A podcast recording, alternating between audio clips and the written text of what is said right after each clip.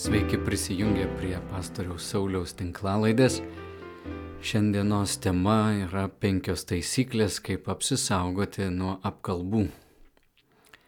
Patarlėse pasakyta, apkalbos yra lik skanėstas, kuris pasiekia žmogaus vidurius. Ir dar viena eilutė iš patarlių knygos - šiaurys vėjas atneša lietų, apkalbos sukelia pyktį. Taigi apkalbos yra neigiamas kalbėjimas už kito nugaros ir Biblija sako, jog apkalbos yra lik skanėstas. Manau, kad apkalbant kitą žmogų, kalbant už jo nugaros, tas skonis, pasiskonėjimas yra dėl to, kad mes jaučiamės viršesni, teisesni. Žodžiu, kalbame negatyviai apie žmogų, kuris negali savęs apginti ir mums yra pakankamai saugu kaip už kokios sienos. Nes jeigu kalbėtumėm tam žmogui esant šalia mūsų, išgyventume nepatogumą, būtų truputį gėda, reiktų susivaldyti, galėtumėm susilaukti galbūt ir jo paties komentarų apie mus, todėl apkalbant, kalbant už nugaros, jausmas yra gan geras. Na, tarsi pasiskonėjimas, tarsi skanėstas. Ir apkalbos pasiekė žmogaus vidurius. Šventame rašte, kai naudojami yra kažkokie vidaus organai, dažnai kalba apie giluminius vidinius procesus. Vadinasi, apkalbos žodžiai, kurie įeina per ausis, žinoma, pasiekia ne mūsų žarnyną, bet pasiekia giliai širdį, mūsų sielą, kažkokius įsitikinimus, formuojasi kažkas mūsų prote, mūsų mąstymė apie tą žmogų. Tai sueina gan skaniai, taip mes praryjame, išgirstame, nuryjame, skonis geras, pasiekia vidurius, tačiau nieko gero nesukuria. Ir atvirkščiai, apkalbos jos padaro žalą, jos sukelia pyktį Žinoma, čia kalbama pykti ne apie to žmogaus, kuris turbūt e, užsiminėja apkalbinėjimu, bet apie to, kurio reputacija yra greunama. Apkalbos iš tiesų yra vagystė. Kai mes apkalbame kitą, mes apvagėme kito žmogaus reputaciją. Dabar kokia žala yra arba kaip giliai paveikia žmogaus vertinimą, kai mes išgirstame apkalbas, ant kiek tai yra stiprus poveikis, galime pailustruoti labai įdomiai istorijai iš Šventojo rašto. Antroji Samuelio knygoje yra aprašoma tokia istorija, jis susijusi su Mefibošetu ir Dovydu. Karalius Dovydas buvo labai geras draugas su Jonatanu, karaliaus Sauliaus sunumi. Karalius Saulis buvo tuo metu karalius, Dovydas buvo to karaliaus Sauliaus persekiojimas, tačiau susibičiuliavo su Sauliaus sunumi Jonatanu. Ir Jonatanas tapo geru um, Dovydo draugu, taip, kad jie net uh, padarė sandorą vienas su kitu. Žodžiu, tėvas yra priešas sunaus uh, draugo, o jie nu, sandoros būdu netgi, galim sakyti, tampa artimesni nei, nei kraujo ryšys. Ir štai, kai Saulis miršta, žūna kovoje, tauta paskelbė Dovydą karaliumi ir kartą sėdėdamas karalius namuose sako, gal kas yra iš Sauliaus namų, kuriam galėčiau parodyti gerumą dėl Jehonatano, dėl tos sandoros. Ir atsiranda žmonių, kurie praneša, jog yra likęs Mefibošetas, mm, kuris yra Johonatano sunus, ir jis atvyksta e, karaliaus kvietimu, Mefibošetas ateina kartu su savo e, tarnu Ciba, kuris prižiūrėjo jį nuo gimimo. Ir Mefibošetas e, turėjo mm, negalę, negalėjo pats vaikščioti, jam reikėjo pagalbos, nes kažkada bėgant nuo, nuo priešų, žodžiu, jį kaip kūdikį numetė, sulaužė jo kojas, jos turbūt netinkamai sugijo ir jis buvo su negale. Taigi karalius pasikviečia Mefibošetą ir tuo metu tradicija buvo tokia, jeigu nu, pašalinamas vienas karalius, naujas atėjęs dažniausiai išnaikina visą giminę buvusio karaliaus, kad nebūtų jokių sukilimų, jokio pasipriešinimo. Taigi mes galime įsivaizduoti, kad Mefibošetas ateina ir, ir laukia kažkokio nuosprendžio. Atėjęs pas karalių Dovydą, jisai sako, kas yra tavo tarnas, kad tu atkreipiai savo dėmesį tokį pastipusi šunį kaip aš. O karalius jisai sako, praneša Mefibošetui, kad dėl tavo tėvo, dėl sandoros, kurią turiu, aš visą tavo tėvo nuosavybę atiduodu tau. Ir praneša tam tarnui, kuris buvo, galim sakyti, tiesiog jo socialinis darbuotojas, jo pagalba. Dovydas sako, visa, kas priklausė Sauliui ir jo namams, atidaviau tavo valdovo sūnui. Taigi dirbk jo žemę su savo sūnumis ir tarnais, bei nuimk derlių, kad tavo valdovo sūnus turėtų maisto, tavo valdovo sūnus Mefibošetas visada valgys prie mano stalo. Ciba, tas tarnas, turėjo 15 sūnų ir 20 tarnų. Taigi jis atsakė karaliui, kaip tu karaliui sakei savo tarnui, taip tavo tarnas padarys. Mefibošetas valgė prie Dovido stalo kaip vienas iš karaliaus sūnų.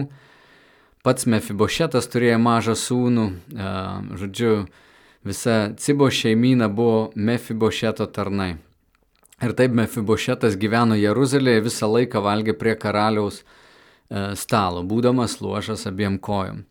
Paskui istorija pasisuka taip, kad vienas iš karaliaus Dovido sūnų, Apšalomas sukyla prieš karalių, padaro didelį sukilimą, išvaro karalių, Dovydas bėga um, iš Jeruzalės ir jį pasiveja Ciba, Karalius klausia ir sako, kur tavo valdovo sunus, jis klausia apie Mefibošetą ir Cibą. Atsakė karaliui, jis pasiliko Jeruzalėje sakydama, šiandien Izraelis man sugražins mano tėvo karalystę. Karalius tarė Cibai, kas buvo Mefibošeto dabar priklauso tau. Ciba atsakė, nuolankiai maldauju tave mano valdove karaliu, leisk man surasti malonę tavo akise. Žodžiu, ačiū karaliu, nuostabu. Ciba ateina, gauna karaliaus palankumą ir po kiek laiko, kai apšalomas sukilimas yra numalšinamas, pats apšalomas yra nužudomas, karalius Dovydas grįžta į Jeruzalę ir jam grįžus į Jeruzalę e, Sauliaus sunus Mefibošetas atvyko karaliaus pasitikti. Jis nebuvo plovęs kojų, kirpęs barzdos ir plovęs drabužį nuo tos dienos, kai karalius išėjo, iki jis sugrįžo. Jam atvykus iš Jeruzalės karaliaus pasitikti karalius klausė Mefibošetai, kodėl neėjai su manimi. Mefibošetas atsakė, mano valdove karaliau, mano tarnas apgavo mane. Tavo tarnas buvo jam įsakęs pabalnoti asilą, kad raitas galėčiau vykti su karaliumi, nes aš esu luošas o jis apšmeižė mane tau. Tačiau karalius, kaip Dievo angelas, taigi daryk, kas tau patinka. Visi mano tėvo namai buvo tarsi mirę žmonės mano valdovo karaliaus akise, o tu pasodinai savo tarną valgyti prie savo stalo. Argi dar daugiau galėčiau tikėtis iš karaliaus? Karalius jam atsakė, kam tu visą tai kalbi? Aš pasakiau, kad tu ir Ciba pasidalintumėte žemę. Mefibošetas atsakė karaliui, tegul ciba viską ima, man gana to, kad mano karalius sveikas sugrįžo į namus. Na čia matome, situacija jau keičiasi ir sužinome kitą pusę. Pirmoji dalis buvo, kad Siba atėjęs sako karaliau Dovydai, Mefibošetas tave išdavė ir susidėjo su tavo priešu, tavo sunumi apšalomu. O čia grįžus karaliui į Jeruzalę, matome, kad Mefibošetas ateina nesiskutęs, nesiprausęs, visas e, dėju, dėjuodamas ir, ir, ir laukia ištikimai karaliaus sugrįžtant į, į miestą. Ir jis ateina be jokios baimės pasisveikinti ir sužino, kad Ciba buvo paėmęs e, visą žemę arba kad karalius jam atidavė visą žemę. Ir čia mes matome, kaip Dovydas pasielgia su Mefibošetu. Galėtum sakyti, štai Mefibošetas, gal jis melavo, o gal Ciba melavo, kuris čia dabar melavo. Ir Dovydas jau yra sutrikęs. Jis nusprendžia padalinti tą žemę. ir sako, kad tu ir Ciba pasidalintumėte visą žemę. Žodžiu, Dovydas jau nebežino, kuris čia yra teisus ir padaro tokį sprendimą. Klausimas, kuris melavo Ciba ar Mefibošetas.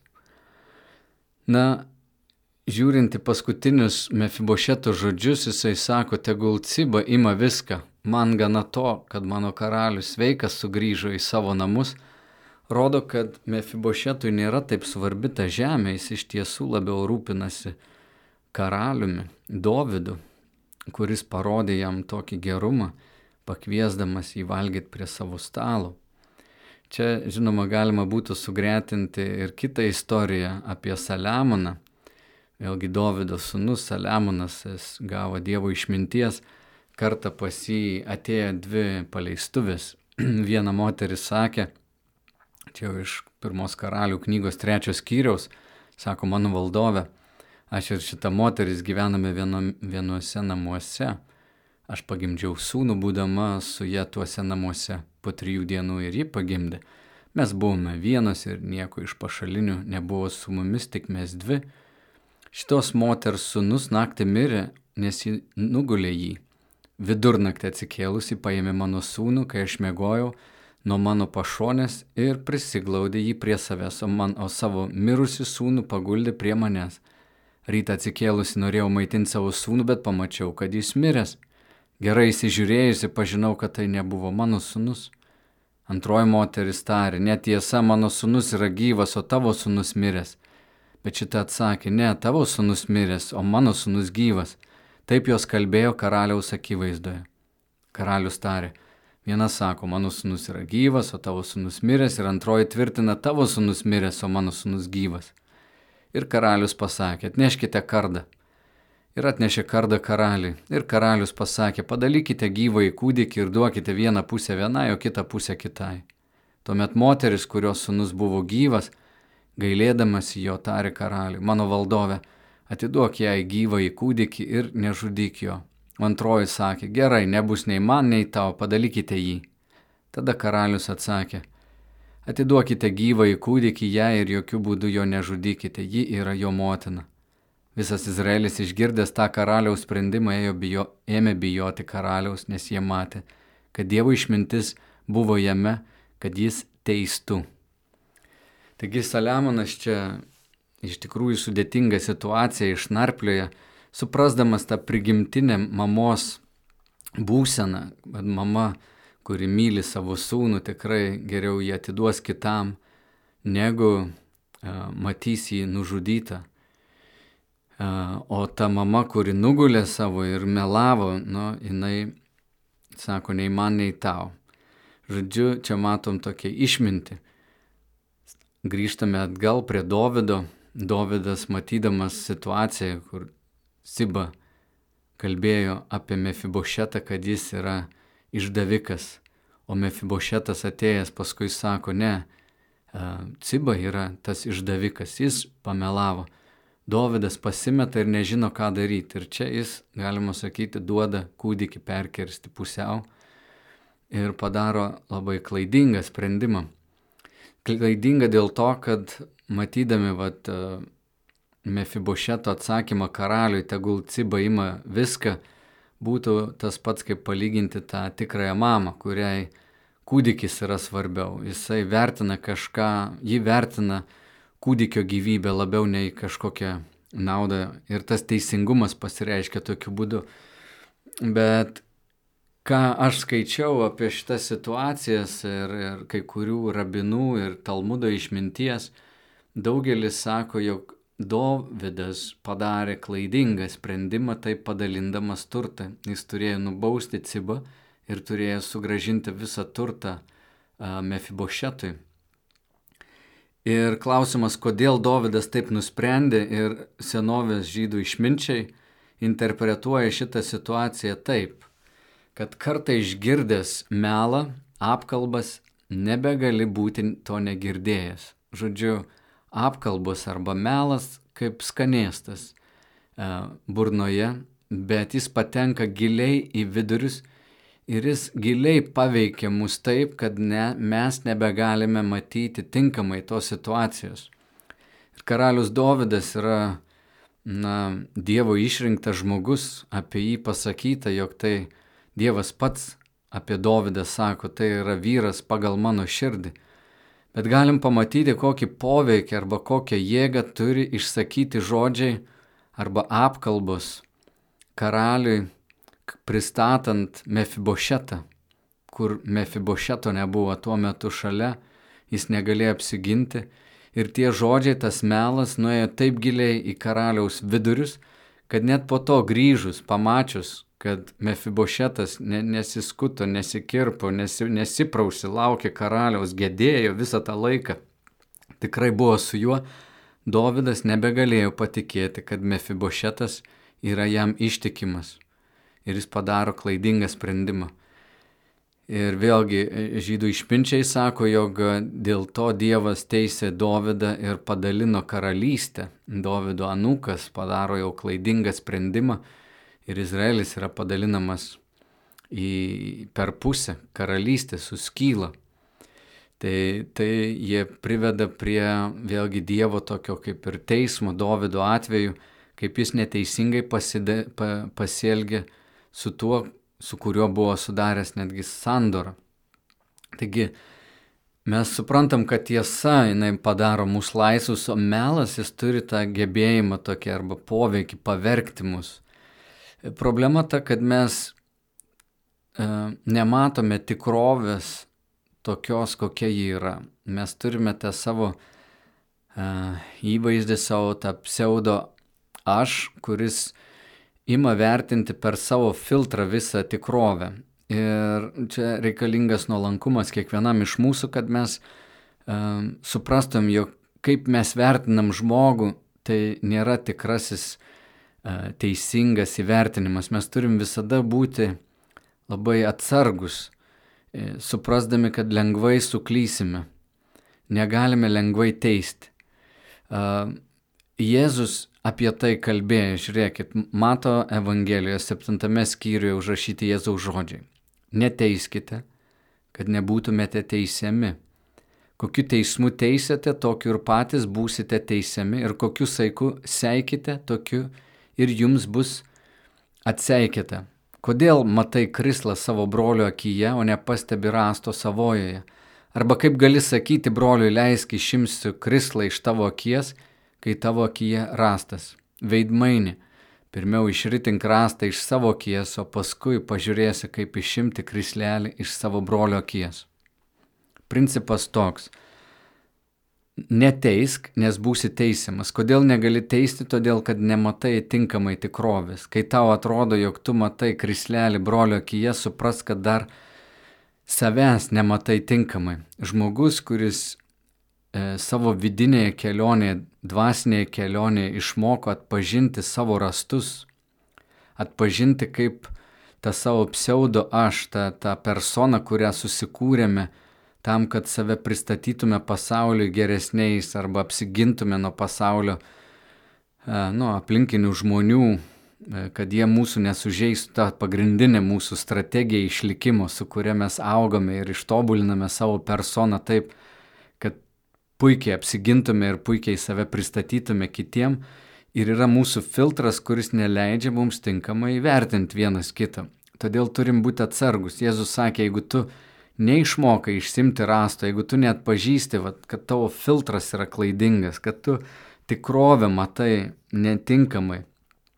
Ir uh, jeigu tų operacijų skausmingų nesi padaręs, jeigu pats nepamatei savo sugėdimų, jeigu tave pats nebuvai savimi dar nusivylęs ir, ir nebuvai nuogas prieš Dievą, atgailoja ir sugrūdusios dvasios, nesim teisti kito.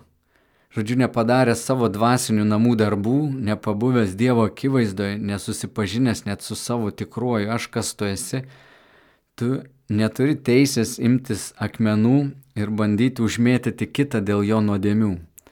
Ir žinoma, neturim teisės apkalbėti. Bet dar kitas dalykas dėl mūsų klausimusi tų apkalbų. Ir aš noriu tokias penkias e, kaip ir taisyklės pasakyti dėl apkalbų. Ką reikia daryti, kai mes girdim, jog šalia mūsų esantis žmogus apkalba.